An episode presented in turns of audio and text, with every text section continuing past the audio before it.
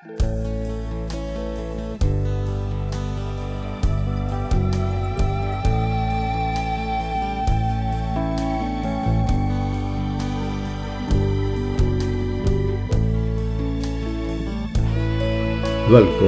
bij de podcast van Karin Verheyen.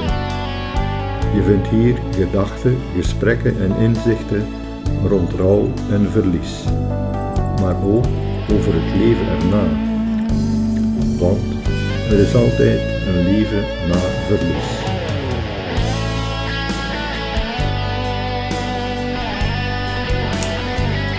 Dag lieve luisteraar. Ondertussen is ehm, de winter in het land geslagen en we kijken hier uit over een wit landschap en het voelt heel mooi en rustig aan. En ik was aan het denken eh, over ouders, hoe belangrijk de rol is van ouders in je leven. Niet alleen als kind, maar zeker ook als puber, als tiener en jongvolwassene. Want als je begint aan je leven, is door de steun van je ouders, dat kan echt goed doen. En dat gaat over kleine dingen, denk ik, maar ook over grote raadgevingen. Dus ik vroeg mij af, hoe moet het nu zijn om als jongvolwassene uh, een van je ouders te verliezen? En daarom heb ik vandaag Sylvie uitgenodigd, omdat ik weet dat zij zoiets heeft meegemaakt. En ik laat haar graag nu aan het woord om te vertellen wat er precies in haar leven gebeurd is. Dag Sylvie en welkom. Hallo, dankjewel. Ja, vertel eens, wat ehm, is er met jou gebeurd als jongvolwassene? Uh, op 20-jarige leeftijd ben ik mijn uh, papa verloren. Heel onverwacht eigenlijk. Uh, eh, 2 januari 2008, dus dat is al wel een tijdje geleden. Um, de 1 januari zaten wij nog gezellig te feesten, zoals elk jaar eigenlijk werd ingezet bij de grootouders. En er werd altijd bij ons heel veel over doodgaan gesproken wel.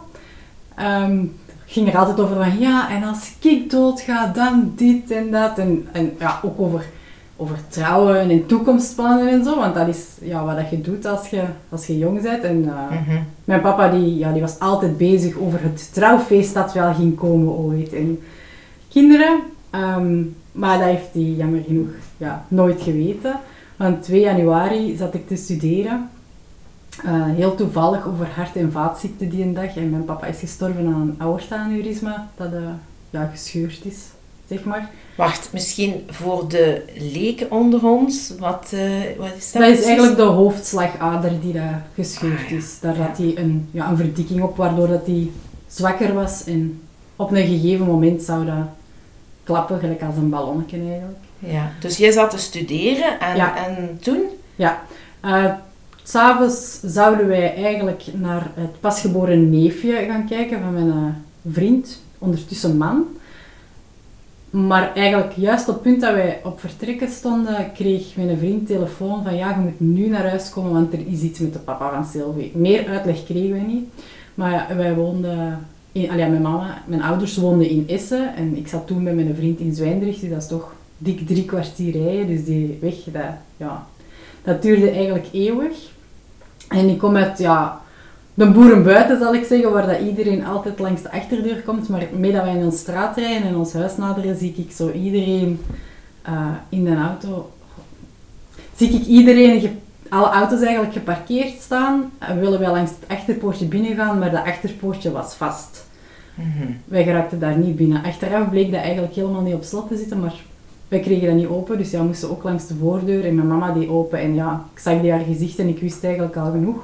Ja. Uh, mijn papa was ineengezakt en ze hadden die nog op de zetel gelegd en daar lag die. En ik ben dan eigenlijk ja, op mijn knieën gezakt, mijn hoofd op zijn borst gelegd en beginnen wenen. Um, hij was op slag. Dood eigenlijk.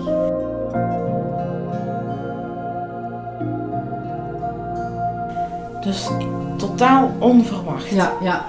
Die ehm, had eigenlijk juist drie maanden vakantie gehad. En hij was die een dag terug beginnen werken en hij zou ook aan part-time beginnen. Uh, want hij had heel zijn leven fulltime, full continu ook gewerkt. Uh, hij is thuisgekomen, hij is naar het toilet gegaan, hij heeft zijn soep opgegeten en dan is hij eigenlijk echt letterlijk tussen de soep en de patatten ineengezakt. Mijn mama die heeft nog gezegd van ja, als je het niet lekker vindt, je moet je kop er niet naast leggen. Maar eigenlijk was die dus ja, gestorven. Dat is eh, wat er gebeurd is. Zeg, en ehm, zijn er broers of zussen of was jij alleen? Ik ben enig kind. Ja. Als dat zo snel gaat, hè. eh, vertel eens hoe dat, dat dan verder ging die dag. Want ik kan mij voorstellen dat je eigenlijk eh, zo onvoorbereid niet goed weet wat dat je allemaal moet doen, zeggen. Nee, klopt. Ehm, de begrafenisondernemer die had speciaal gewacht totdat ik hem eigenlijk gezien had. Ik studeerde op dat moment ook voor verpleegkundige. Ehm, en ik had zoiets van, ja, ik moet, die, ik moet die mee gaan wassen, ik moet die mee afleggen, want dat is, ja, dat is wat ik moet doen. Want hij was altijd zo trots dat ik verpleegkundige was en ik had zoiets van, weet je, dat wordt mijn job. Dus ik ben dat gewoon verschuldigd aan hem. Dacht je dat toen op het moment Ja, dat je ja. bij hem zat? Ja, Straf. En Ja. heb je dat ook gedaan? Ja, ik heb dat gedaan. Ik ben er wel heel blij voor. Ehm, want eigenlijk ervoor overlijdens in onze familie hadden wij nog niet echt gehad. Toch niet dat ik bewust weet. Ja, als kind, grootouders wel, maar voor de rest eigenlijk niemand. Dus dat was ook zo allemaal ja, nieuw, zal ik zeggen. Je had dat nog nooit niet meegemaakt. Ja, en dan begint zo heel de ramtamtam van ja, begrafenis regelen, brieven schrijven, die dingen allemaal. En de eerste week daarna, ik kan me dat niet meer zo goed herinneren, want dat is precies of je ja, na verloop van tijd, Mhm. ja, of je verdrinkt dat of je, je uit bescherming of zo. Maar er was heel veel volk. Er waren mensen die dat voor ons kwamen koken. Ehm, er was dan ook jeugd vanuit de familie die bij ons kwam en we zaten dan spelletjes te spelen. Dus eigenlijk waren dat wel gek genoeg ook heel gezellige dagen. Er was heel veel verbinding. Ehm, en dan is die begrafenis voorbij en ja, dan stopt dat zo'n beetje. Dan wordt dat zo minder en minder totdat dat ja, stopt. Mhm.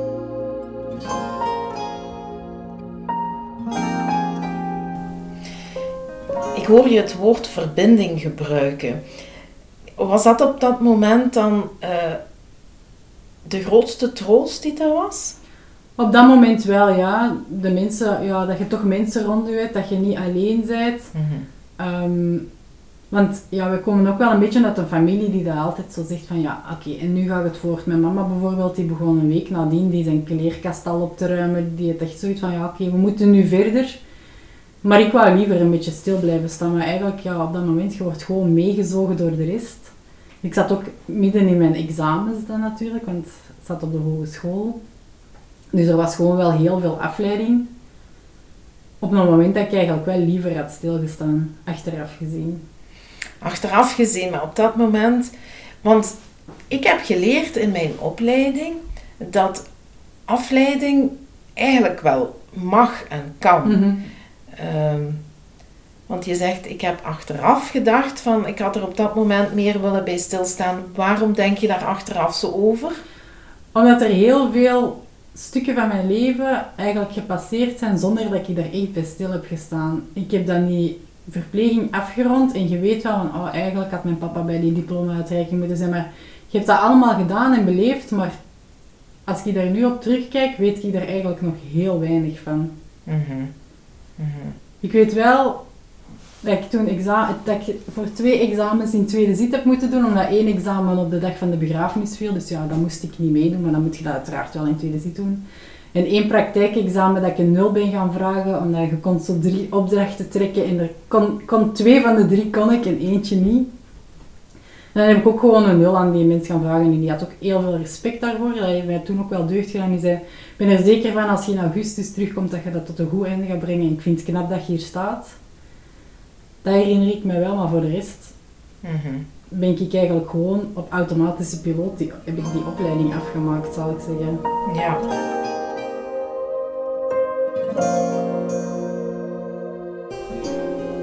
Heb je dan het gevoel gehad dat je fatsoenlijk afscheid hebt kunnen nemen van je papa? Dat vind ik een moeilijke vraag. Mhm. Is ook een moeilijke vraag. Ehm, het is denk ik heel belangrijk dat je ja, bepaalde rituelen wel kunt volgen, eigenlijk de begrafenis. En Mhm. daar is het bij ons al een stukje misgegaan. Ik had een hele tekst geschreven voor op zijn begrafenis voor te laten lezen. Ik kon dat zelf niet. En die mens dat dat heeft voorgelezen, die heeft dat echt helemaal verprutst en mijn woorden echt ja, tot niks gemaakt eigenlijk. Dat waren, die stotterde, die hakkelde, die kon woorden niet uitspreken. Dus ik denk dat eigenlijk, als ik daar nu aan terugdenk, dan ben ik nog altijd een beetje boos. Mhm. Terwijl dat, ja, zo'n begrafenis, dat moet eigenlijk juist een afscheidsritueel zijn. Maar voor mij voelde dat toen meer alsof, ja, we gaan maar gewoon verder. Echt afscheid was dat niet. Je gaat gewoon door met je leven. We gaan maar gewoon vooruit. Hoe sneller, hoe beter. Wie gaf je dat gevoel? Vooral mijn mama zelf. Ja. Natuurlijk, voor haar was dat ook een heel, allee, heel moeilijk, maar zij wou echt vooruit, zou niet bij de plak, pakken blijven neerzitten, zal ik zeggen, maar ik had het gevoel dat ik niet kon volgen. Ja. Zeg, en dat verschil tussen, tussen jou en je mama, wat, wat het rouwproces eh, betreft, is dat een verschil in karakter of heeft dat ook te maken met, met leeftijd, denk je? Ik denk een stuk met leeftijd. Ehm, we hebben daar heel wat jaren later eigenlijk ook maar pas echt over kunnen praten. En dan spreek ik echt van 7, 8 jaar nadat mijn papa gestorven is. En ja, zij had al vrij snel eigenlijk een nieuwe man in haar leven. En ik had het daar heel moeilijk mee. Dus ik ben vrij snel bij mijn vriend ingetrokken. Ja, je bent toch al bijna op die leeftijd. Dus ja, dat dat dan een beetje vroeger is, dat is dan de omstandigheden. En zij heeft toen ook gezegd van ja, ik was niet alleen uw papa verloren, maar ik ben toen eigenlijk ook mijn dochter kwijtgeraakt, want die was ook gelijk de huis uit.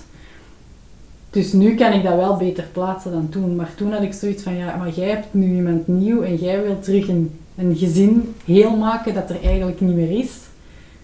En ja, dat wekte wel zo'n beetje, ja, rebellie wil ik het niet noemen, maar weerstand. Mhm. Weerstand op. Mhm. Dus jullie zaten allebei te worstelen met je verdriet, maar raakten elkaar niet echt eh, op, op hetzelfde niveau. Dus, nee, nee. Wat fijn dat je er la- jaren later wel over, dat je dat je hebt kunnen rechtzetten. Hè? Ja, ja, inderdaad. Maar nu wordt er ook wel over mijn papa gesproken. En al die jaren ervoor ja, werd hij eigenlijk letterlijk een beetje doodgezwegen. Is echt? Er werd heel weinig over gesproken, zo herinneringen ophalen of zo. Dat gebeurde eigenlijk niet.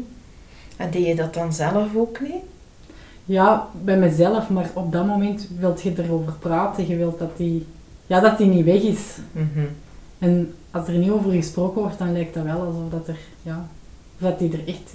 Je weet dat die er niet meer is, maar dat die, er, dat die nooit bestaan heeft, precies. Ja, dat klopt. Iemand is pas dood, zeggen ze, als, je, als er niet meer over gesproken wordt. Hè? Dus in die zin herken ik dat wel. Ja. Zeg, dus je stond eigenlijk eh, aan het begin van je leven, een moment denk ik, waar heel veel jonge mensen van genieten. Ehm, samenwonen met, eh, met een vriend, eh, misschien een huisje inrichten. Ehm, ja, hoe was dat dan voor jou, gezien in het licht dat je je papa toen niet had? Heb je hem daar, daar erg door gemist? Of, eh, Ja, toch wel. En nu soms nog. Ehm, ik ben afgestudeerd in juni en wij hadden ons huis eigenlijk al getekend voor er in oktober in te trekken. Dus dat is echt, ja, ik ben afgestudeerd, ik ben gaan samenwonen en een paar jaar later zijn er kinderen gekomen. Dus dat is allemaal vrij snel gegaan. En ik heb het daar heel moeilijk mee gehad dat hij dat nooit ja, heeft kunnen meemaken. En nu nog, hè, want we hebben twee kinderen nu. En soms steekt dat toch met momenten de kop op van... Mijn man heeft zijn ouders nog wel alle twee. En je ziet die dan dingen doen met de kleinkinderen. En soms is dat toch wel moeilijk. ja, Van, kijk, hij had dat ook zo graag willen beleven. En ik had hem dat ook graag al ja, willen doen, beleven en Uiteraard. willen zien. Ja. Zeg, vertel je je kinderen over hun opa? Ja, we hebben eh, een hoekje op de kast gemaakt en dat is dan Fokke van de kast, want ondertussen heeft mijn mama, ja, haar een vriend, toenmalige vriend is ook helaas gestorven, dus het is ook zo wel een Nee. beetje een opstapeling van verlies geweest, maar die heeft nu al, ja, bijna tien jaar denk ik, dat ze samen is met deze man, dus die, mijn kinderen kennen die ook als opa, daar, daar maak ik ook geen onderscheid in, zal ik zeggen. Nee. Maar die kennen wel mijn... al ja, de jongste beseft het nog niet heel goed, maar de oudste al wel. Ehm, ja, en wij zijn ook wel zo van, oh, als we veertjes vinden, dan zijn dat tekenen van het hiernamaals en zo. En zij verzamelt dat dan ook wel. En dan, of als we naar de zee gaan schelpen, daar was hij zot op en ik ook. Dan eh, neemt ze dat ook wel mee en dan legt ze dat ook wel bij het plekje op de kast. Ja, dus ze kennen in die zin kennen ze hun opa, ook al Ja. hebben ze hem niet echt fysiek helemaal nee, gekend. Ja.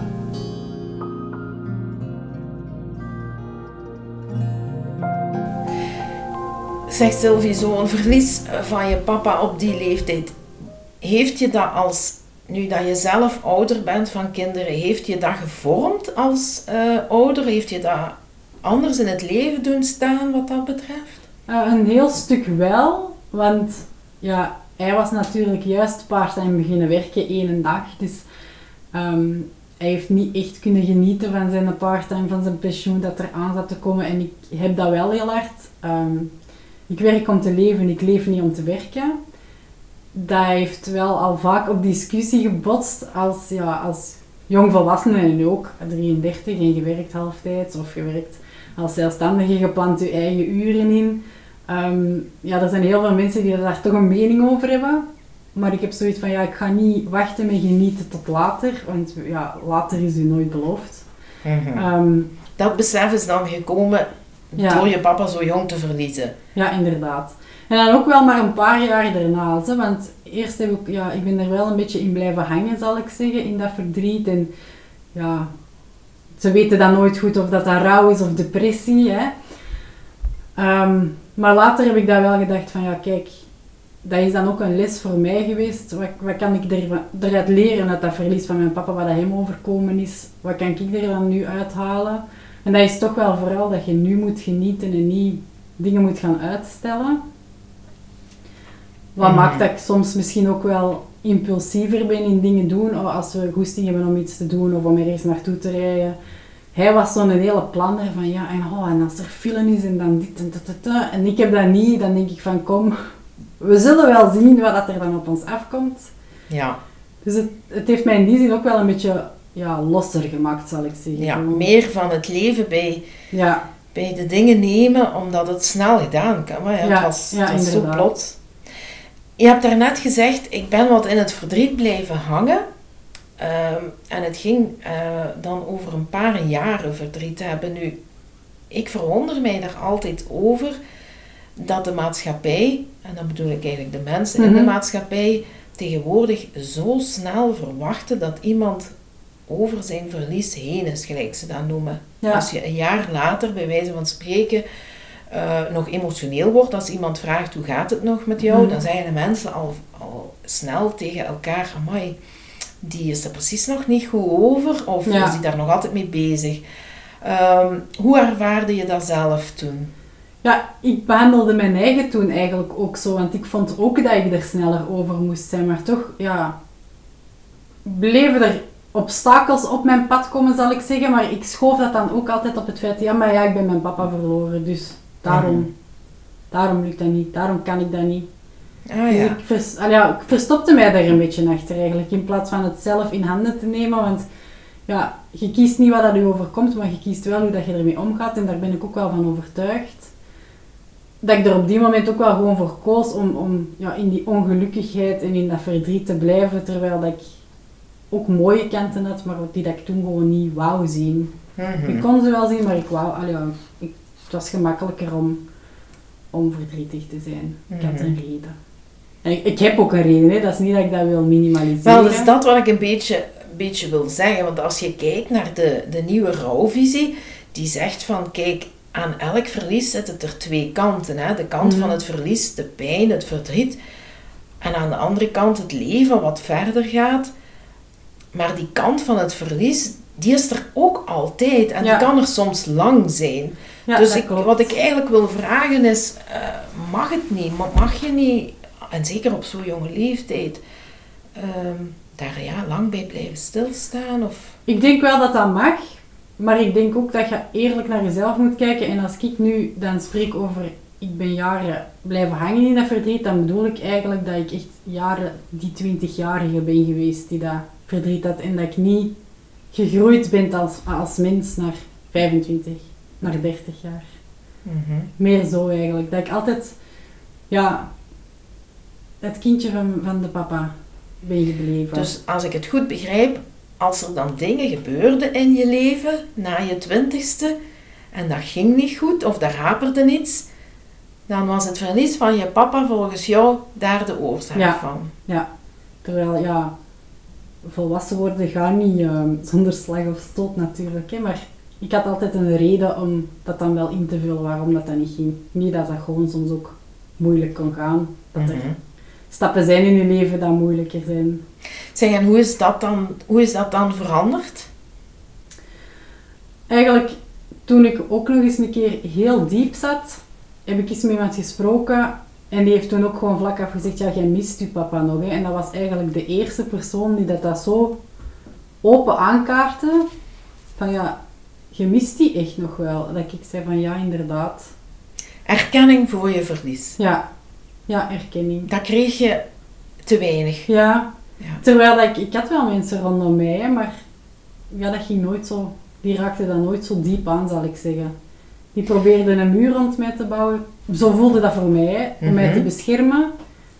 Maar soms moeten er echt doorgaan, ja, dat echt gewoon ervaren en dat verdriet er ook gewoon inderdaad laten zijn en niet doorgaan.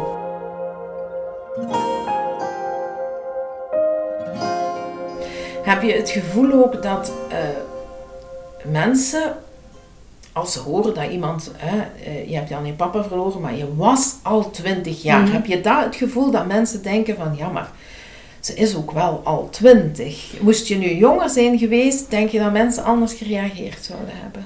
Ja, ik denk het wel, want mensen verwachten dan toch wel dat je al een bepaalde ja, maturiteit hebt en een bepaalde volwassenheid, Ja. maar die, die had ik eigenlijk toen nog niet. En ik vond dat ik dat van mezelf toen ook dat ik dat moest hebben, Mhm. maar dat was er eigenlijk gewoon nog niet. Nee.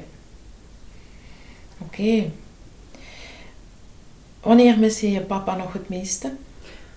Als er een klusje, een mannenklusje moet gebeuren en Ah, er ja. is iemand dat mij kan helpen, en dan kan ik mijn schoonvader wel bellen of dat aan mijn man vragen, maar sommige dingen wilt je toch Ja. gewoon dat uw papa zou doen. Ik ben zelf ook wel een vrij handige, dus soms dan ben ik ergens aan bezig en dan denk ik, ah, hij had hier moeten zijn.